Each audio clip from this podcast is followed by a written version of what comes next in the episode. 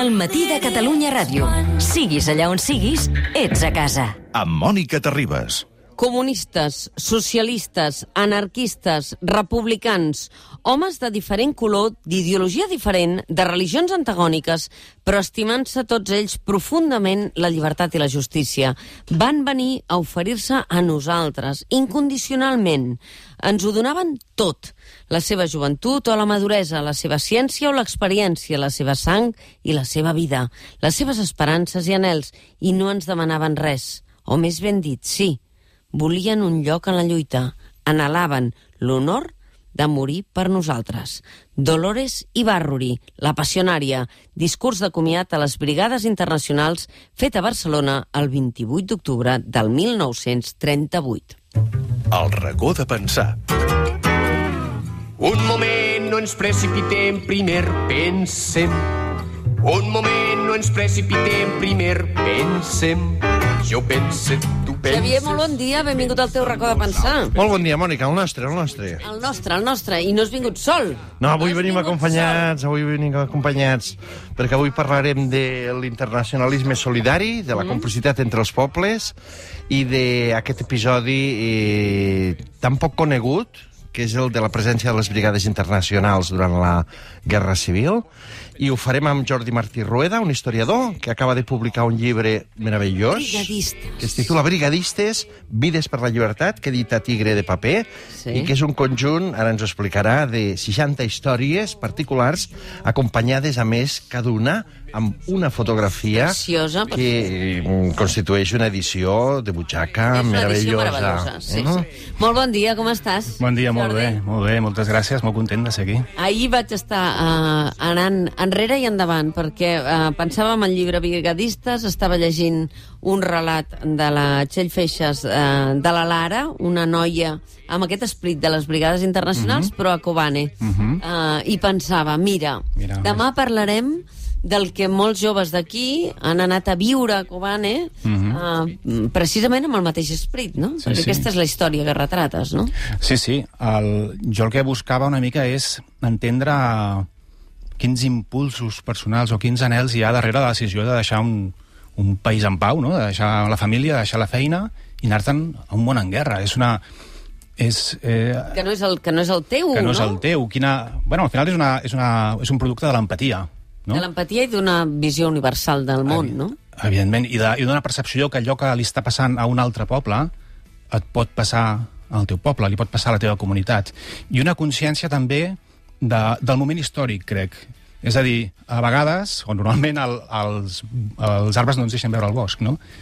Però, bueno, a, en els anys 30 doncs, va haver-hi aquesta percepció, almenys aquestes persones, 35.000, 40.000 que van venir, van tenir aquesta percepció que el feixisme creixia, era perillós, les fronteres eren permeables i que o s'aturava temps o els devoraria tots. Eren molt joves. Ho dic perquè tenim aquí a nois i noies que deuen tenir ara 16-17 anys, o 15, 16? 15-16. Um, alguns 16, i alguns d'aquests brigadistes internacionals, d'aquesta gent que van deixar els seus països per venir a lluitar aquí, uh, tenien 17 anys, tenien 18 anys, eren gent molt jove, eh? Eh, sí, sí, sí, és, és difícil d'entendre-ho amb ulls del segle XXI. Uh, suposo que t'has de...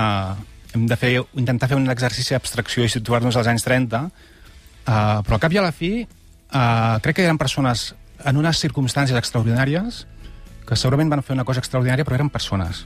Eren, no eren éssers extraordinaris, no eren superherois, eren persones. I d'aquí el plantejament que fa en Jordi Martí Rueda Brigadistes, no? Que no és del fenomen brigades internacionals, no? Xavier no, no, no fa una anàlisi històrica de les brigades, que això ja hi és, ja, Ja existeix, és. no? Però segurament és el que el converteix, jo crec que en un llibre molt, molt singular i molt atractiu, perquè diferencia una mica del que dius, no?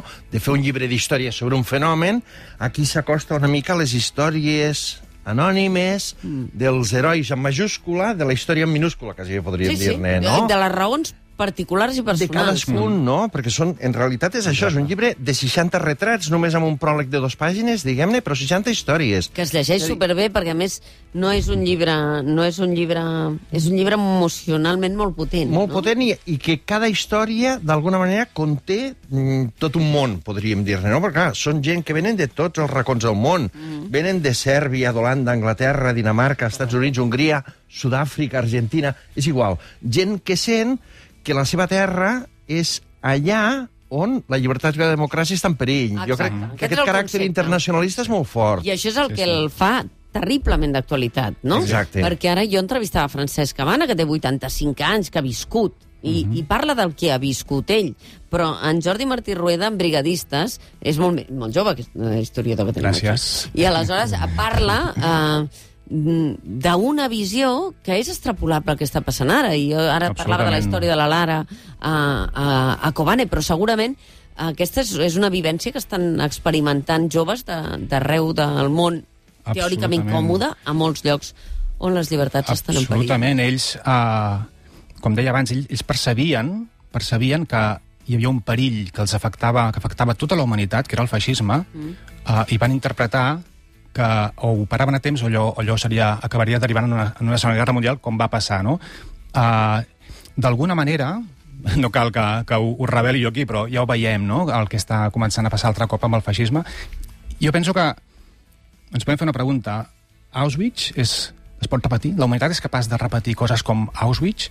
Si la humanitat és capaç de repetir coses com Auschwitz, també és capaç de repetir coses com aquesta, potser. Uh, des de la mm, des de l'absoluta distància respecte a tot el que va significar això, però ahir, uh, quan sentíem a Ursula von der Leyen, la màxima responsable de la Unió Europea, felicitar Grècia per fer d'escut respecte als refugiats que fugen de la guerra de Síria, que fugen d'aquest Kurdistan, per exemple, que ara parlàvem, eh, quan parlàvem de Kobane, um, i que acaben morint al mar, um, de fet, estem parlant d'una visió de les fronteres que sí. té poc a veure amb els drets humans, no? Sí, sí, està clar. Dir, És exacte. Fi, a part de l'episodi que dius, és que podem pensar llegint aquest llibre en tantes altres batalles com ara, a Síria, Afganistan, a tants altres llocs dels quals la gent ha de sortir corrents mm -hmm. i que també d'alguna manera convoquen aquesta solidaritat internacional. Hi ha un moment en el llibre, un dels pocs paràgrafs, podríem dir-ne, que se surt del relat concret de la història que explica, que diu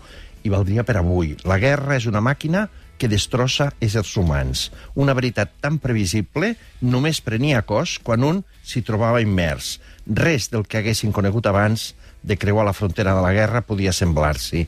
Per tant, una mica aquesta idea que només si entres en el detall d'una història concreta, ja que n'hi ha 60, Aleshores és pots quan descobrir el veus. pes, Ah, d'alguna exacte. manera, del que representa. Exacte. No? En tot el seu drama i també val a dir en tota la seva grandesa, perquè no només hi ha històries d'horror, sinó que hi ha històries de solidaritat, de fraternitat, d'entrega, de generositat, i crec que és el més remarcable, no? Sí, també, fins i tot d'amor i d'humor, fins i tot. Hi ha alguna història que és d'humor, hi ha una I història... a més hi ha, hi ha fotografies que ho destaques, somriures, no? Perquè Sí, hi ha una fotografia sí, sí. que destaques que estan somrient malgrat tu, malgrat que van a la mort, en això molts és, casos. Això és molt curiós. En, en moltes fotografies de les brigades internacionals Sí, sí. trobes unes actituds davant de la càmera que no es corresponen amb la imatge tòpica que tu tens d'una guerra, no? Clar. Aquesta, concretament aquest capítol és d'una infermera... Aquí, somriures, no? Exacte. És una noia que sempre les foto... les, a les càmeres l'enganxaven somrient, no sé com s'ho feia. l'Esther Silverstein. No, no? aquesta Aquesta no és Anne Taft. Aquesta és Anne Taft. Aquesta, imagineu-vos, explicava que feien torns de 36-48 hores als hospitals. Sí, sí. Uh, ella explicava que feia tant de fred a l'hospital, perquè no hi havia finestres, no hi havia... Els hospitals a vegades s'habilitaven en, en masies a prop del front.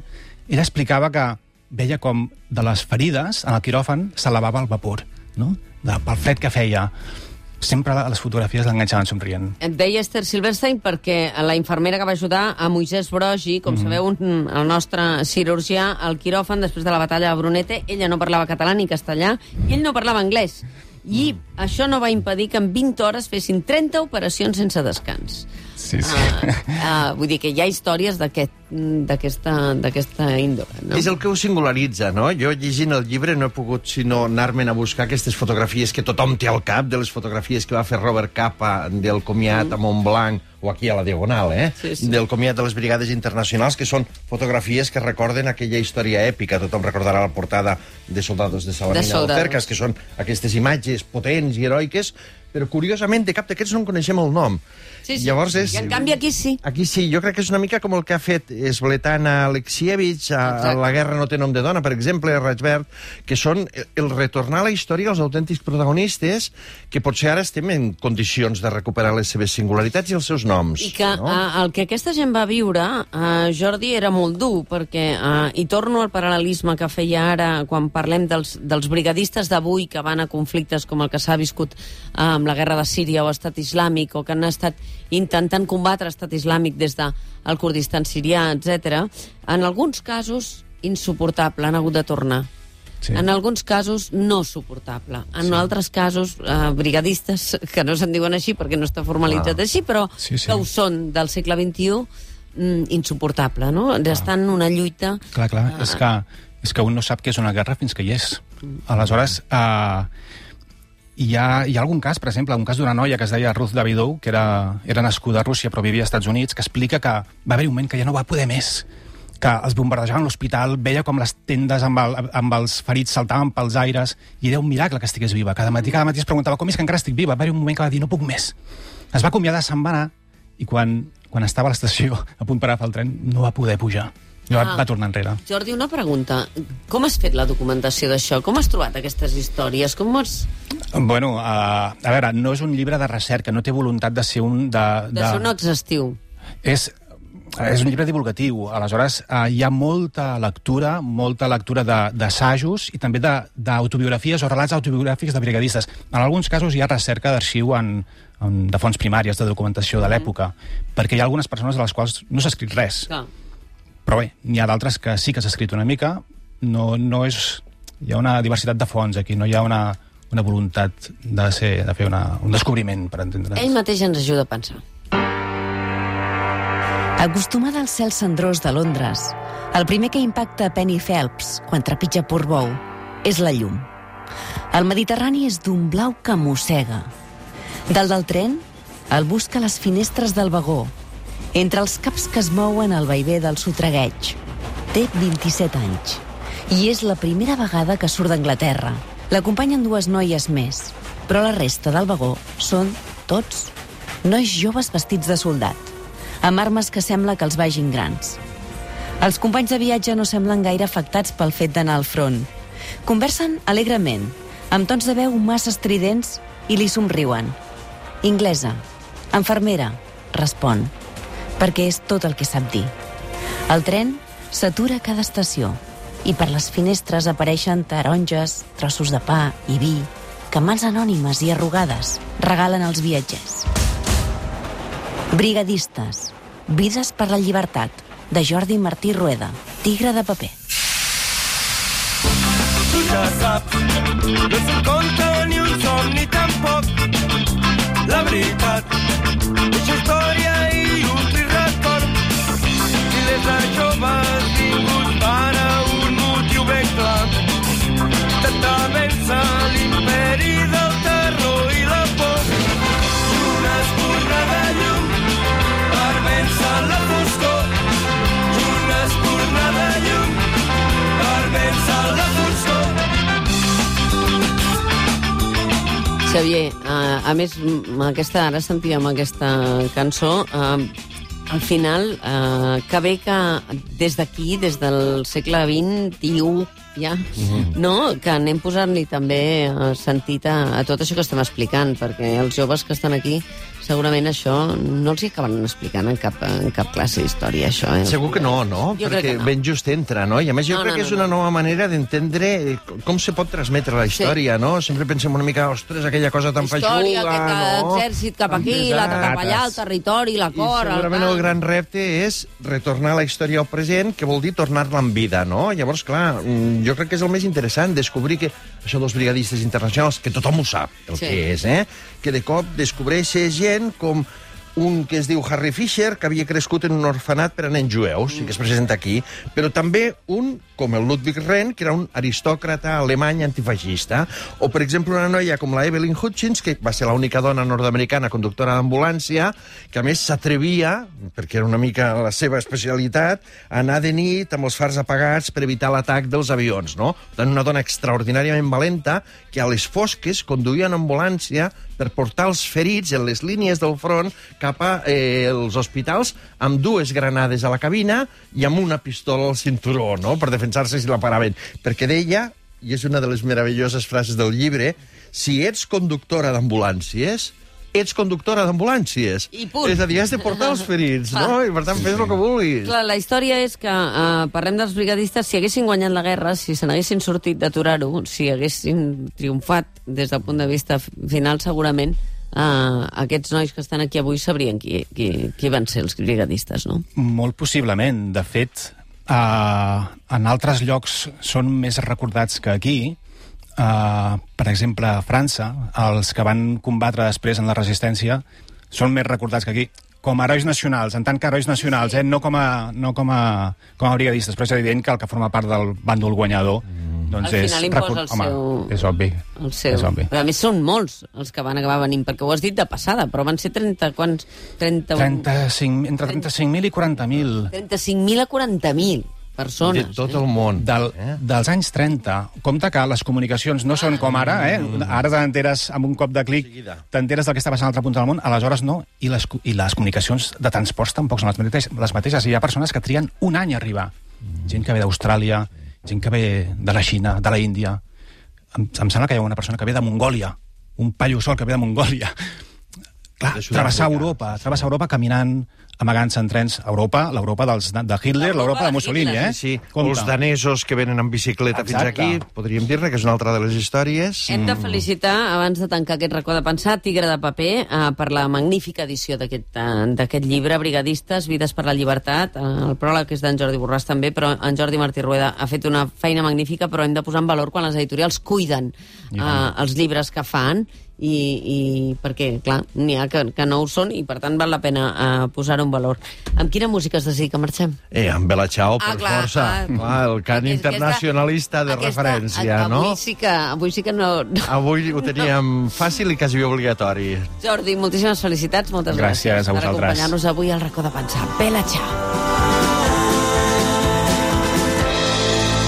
seppellire lassù in montagna.